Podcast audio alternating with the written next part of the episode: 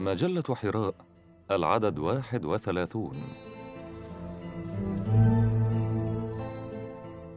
بحثا عن العمارة الهوية بقلم الأستاذ الدكتور بركات محمد مراد. هل هوية العمارة الإسلامية تبدو في قوام العمارة بوصفها سطوحا وفراغات وخطوطا وانحناءات وشراشيف وأدراج وأعمدة أم في الزخارف اللاصقة على جدرانها وواجهاتها مما نراه مثلا في قصور غرناطة. لقد اتجه أكثر المعماريين وهذا ما لاحظه بحق الباحث عفيف البهنسي نحو الظاهر الزخرفي. فرأوا العمارة العربية من خلال الزخارف المتمثلة بالرقش والفسيفساء والمقرنصات والأفاريز والخطوط الجميلة. وكثيرة جدا هي المنشآت الحديثة التي ادعت الأصالة بإضافة هذه العناصر الزخرفية على بناء حديث مستوحى من العمارة الحديثة بيد أن المعمار الكبير حسن فتحي دعا منذ الستينيات إلى الاتجاه نحو العمارة الهوية من حيث هي كتل وفراغ بدءا بالعمارة الريفية التي ينشئها الفلاحون الفقراء. والتصميم المعماري ليس هو العمارة الداخلية ولكن الفاعليتين تتفاوتان وتتداخلان لإنشاء العمارة سواء كانت عمارة برجوازية مدنية أو كانت ريفية. والسؤال الثاني يتعلق بمفهوم الهوية المعمارية وعلاقتها بالأساليب والطراز. فكيف تحافظ الهوية على وحدتها في نطاق أشكال مختلفة باختلاف المكان والزمان وباختلاف السلطة السياسية والاجتماعية والدينية؟ ويسهل الجواب على هذا السؤال إذا اعتبرنا العمارة لغة مجسدة تحمل دلالات روحية ومادية وتقوم بوظيفة إنسانية اجتماعية بأساليب مختلفة شأنها في ذلك شأن اللغة التي تحمل دلالات مماثلة وتقوم بوظيفة إنسانية حضارية. هوية العمارة هي هوية الأمة، تتجلى هوية الأمة من خلال وحدة اللغة والثقافة والعقائد، وتعكس هويتها على العمارة والفنون والتراث. وتستمر هوية العمارة باستمرار هوية الأمة، وتتطور بتطويرها وتنهض بنهوضها، وتتفكك بتفككها، ولذلك فإن البحث عن هوية العمارة هو بحث عن هوية الأمة، وبالمقابل فإن فن العمارة يكشف عن هوية الأمة التي أفرزت هذا الفن أو ذاك. ولأن هوية الأمة لا تتمثل بفصائل الدم بل بمعطيات الحضارة، فإن قراءة تاريخ العمارة يجب أن يبدأ بقراءة تاريخ حضارة الأمة، لأن بناء العمارة هو جزء من كيان الأمة، وبهذا المعنى فإن هوية العمارة تعني انتماء هذه العمارة إلى حضارة معينة خلفتها أمة معينة.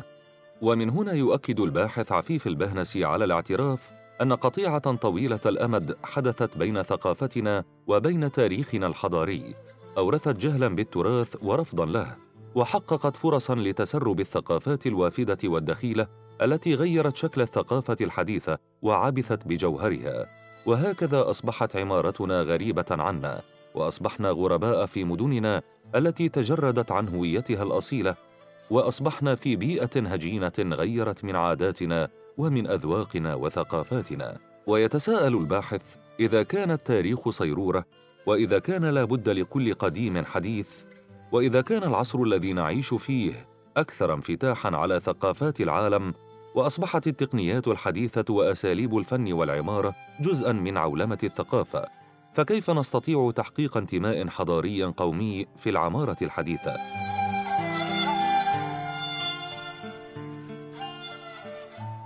الهوية بين الأصالة والمعاصرة. إن عاملا مشتركا بين الأصالة والمعاصرة في العمارة خاصة هو المقياس الإنساني.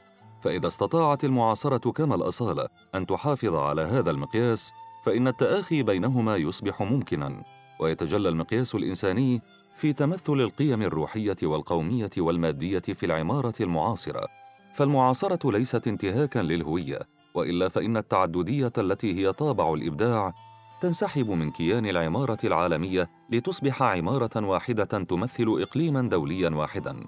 اذا بتعدد الهويات المعمارية نستطيع الحديث عن عمارة عالمية. أما فرض هوية محددة على عمارات العالم فإنه ينفي العالمية ويبقي على عمارة واحدة مهيمنة عالميا.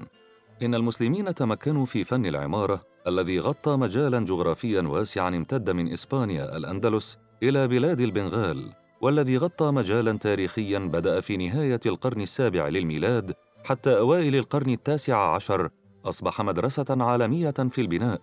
تتضمن مدارس وطرزا فرعية كثيرة يتوفر على دراستها كثير من الباحثين في الشرق والغرب على السواء. وقد أصبحت هناك حقب معمارية تاريخية وفنية مثل العمارة الأموية والعمارة العباسية والعمارة المغربية والعمارة الأندلسية والعمارة العثمانية. تحمل كل منها بصمات خاصة بتلك الحقب التاريخية التي استغرقتها. وتحمل طابع المكان والظروف الجغرافية والثقافية التي سادت فيها. ومن هنا لا يكون غريبا أن نجد كثيرا من الطرز لمختلف العمائر الإسلامية سواء كانت مساجد أو قلاعا أو قصورا أو مدنا إسلامية كاملة. تعبر عن خصائص فنية وجمالية وتاريخية مثل الطراز الأموي أو العباسي أو الفاطمي أو السلجوقي أو المملوكي أو المغربي الأندلسي أو التركي العثماني. الفن الإسلامي الموحد في روحه. هذا الانتشار الواسع لرقعة الفن الإسلامي في كل بقاع العالم الإسلامي وكما تبدى في العمارة الإسلامية الضخمة لأول وهلة لا أكبر دليل على عبقرية الإنسان المسلم وسمو روحه.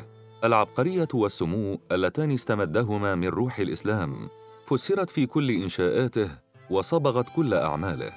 كان في أول نشأته يرتكز على العناصر المعمارية والزخرفية التي تتفق وروحانيته فخرجت منجزاته تكاد تشبه بعضها بعضا في سائر البلاد الإسلامية مع شيء من التباين اليسير الذي تحمله كل بيئة وتختص به مواهب أهلها الموروثة بإنشاء وعمارة إنشاء إنشاء وعمارة وزخرفة وخبرة وتقاليد.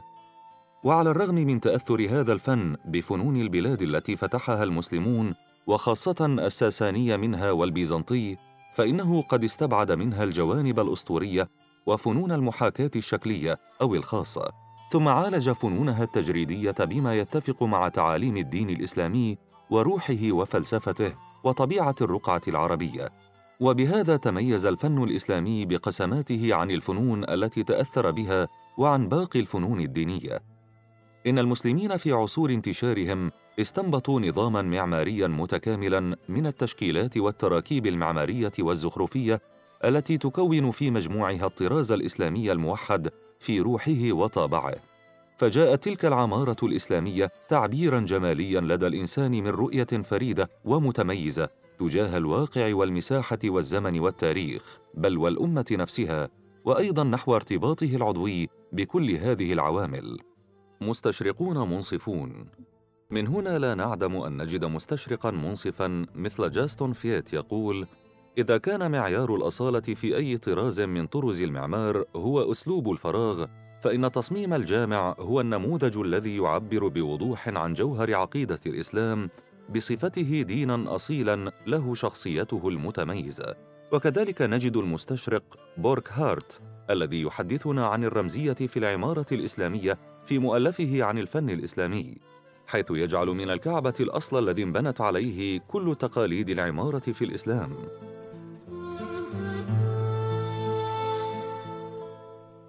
فالكعبة من حيث الشكل والصفات هي النموذج الأول للفن الإسلامي إذ تعبر عن خميرة هذا الفن على مستويات الرمز الداخلي والشعائري والوثيقة الصلة بالشكل، فهي حلقة الاتصال بالنسبة للديانات السماوية الأخرى التي تنبثق منها كما تنبثق الفروع من أصل الشجرة، وعن طريق الكعبة بصفتها النقطة التي يتجه إليها المؤمنون في الصلاة، والمركز الذي يرمز إلى اتحاد الإرادة الإنسانية والكونية والقلب الذي يعبر عن الوعي بالوحدانية الربانية يربط المؤلف بأستاذية فذة بين كل مساجد الإسلام والكعبة ويجعل العمارة الإسلامية في كل أنحاء العالم وكأنها بناء واحد.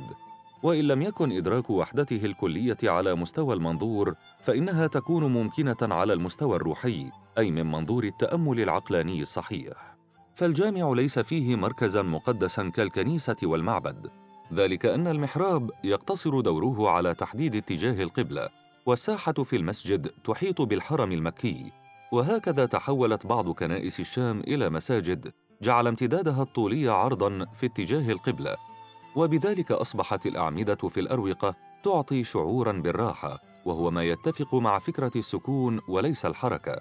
وهي حالة التوازن التي تعبر عنها العمارة الإسلامية في كل أشكالها بسبب اتجاهها نحو المركز الأرضي. وهذا ما يظهر في جامع دمشق بشكل جلي. وجدير بالذكر أن مطالع القرن التاسع عشر الميلادي قد شهدت يقظة الأوساط الأوروبية إلى أهمية الآثار الفنية الإسلامية. ولا سيما الآثار المعمارية. وكانت إسبانيا أول البلاد التي أثارت هذه اليقظة فأدى ذلك إلى إنتاج مؤلفات ضخمة في مجلدات كثيرة. وأول رائد في هذا الميدان جيمس كافانا ميرفي بكتابه الذي عنونه بالآثار الإسلامية في إسبانيا. وهو كتاب يتميز حماسة لكل شيء إسلامي لا بتصويراته الجميلة للمباني الإسلامية وزخارفها وكتاباتها فحسب.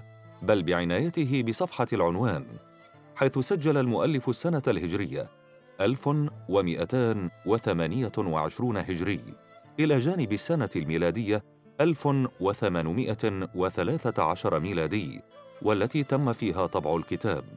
ثم أتى من بعده كثير من الإسبان مثل دولافورد وجيرو دابارانجي وجول جوري وأوين جونز وغيرهم.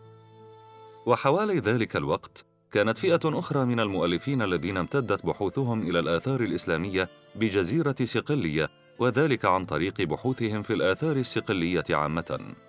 ويرجع المستشرق إيتينغهاوزن السبب الذي أثار هذا الاهتمام الجديد بالآثار الإسلامية إلى الحركة الرومانتيكية أي الابتداعية بما أثارته من الاهتمام بمعرفة المدنيات السابقة البعيدة عن زمنها ومحيطها.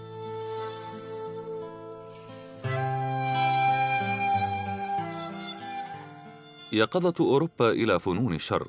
ثمة دافع آخر ليقظة الأوساط العلمية الأوروبية إلى دراسة الشرق وفنونه وآثاره وهو دافع التوسع الاستعماري والسياسة العسكرية في العصور الحديثة.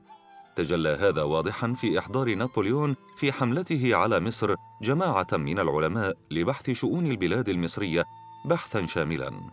إذ أعد أولئك العلماء رسومات تخطيطية للمدن والمباني والعمائر الأثرية ورسموا مناظر معمارية للشوارع والحارات والمساجد والنقوش والنقود ولم ينسوا أن يعملوا صورا توضيحية لأنواع الصناعات القائمة بمصر وقت ذاك. ونتج عن هذه الأبحاث كتاب وصف مصر في تسع مجلدات وعشر أخرى للرسوم والصور التوضيحية وأطلس للخرائط الجغرافية. وهذا الكتاب في مجموعه هو القاعدة الحقيقية والمنبع الحقيقي لمعرفة الآثار الإسلامية. وفي أواسط القرن التاسع عشر الميلادي ظهرت دراسات تفصيلية في العمائر والمخلفات الإسلامية التي كشفت عنها جهود القوامين على الآثار الإسلامية. وهي دراسات قام على معظمها مهندسون ومعماريون ورسامون مثل جهود باسكال كوست في كتابه الهندسة المعمارية الإسلامية وأعقب كوست كتابه هذا بسلسلة من الدراسات في الهندسة المعمارية الإيرانية. بالاشتراك مع المصور فلاندان ثم امتدت هذه الجهود إلى الآثار الإسلامية في مصر في مؤلفات برجوان عام 1873 و 1892 وكذلك ييرس دافن عام 1877 وهي مؤلفات لا تقتصر على العمارة فحسب بل تشمل مختلف الفنون الصغرى فضلا عن دراسة تفصيلية دقيقة للأشكال الهندسية في الزخرفة المعمارية ولا تزال الدراسات قائمة تحاول التعمق في فهم آثار العمائر الإسلامية وفلسفة بنائها سواء من قبل المستشرقين أو من قبل علماء وفناني العالم الإسلامي.